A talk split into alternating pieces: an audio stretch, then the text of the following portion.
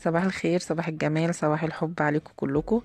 آه، أنا اسمي منى الكيال آه، صحفية ومعدة برامج مقدمة برامج.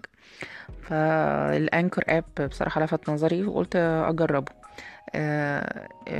يو كان أو هتقدري دي المبادرة اللي أنا عاملاها دي مبادرة للدعم النفسي للسيدات.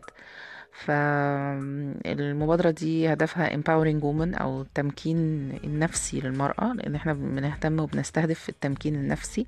يعني كل واحدة تكون آه، أقوى نفسيا وتقدر تواجه الصعاب والمشاكل اللي بتقابلها في حياتها. اللي كل الناس بتتعامل معاها بشكل طبيعي وإن هي حياة طبيعية. آه هي حياة طبيعية وكلنا هنعيشها بس ليه ما نكونش أقوى وإحنا بنقابل المشاكل دي؟ بس ده هدف المبادرة بشكل مبسط. وده أنا منى الكيال.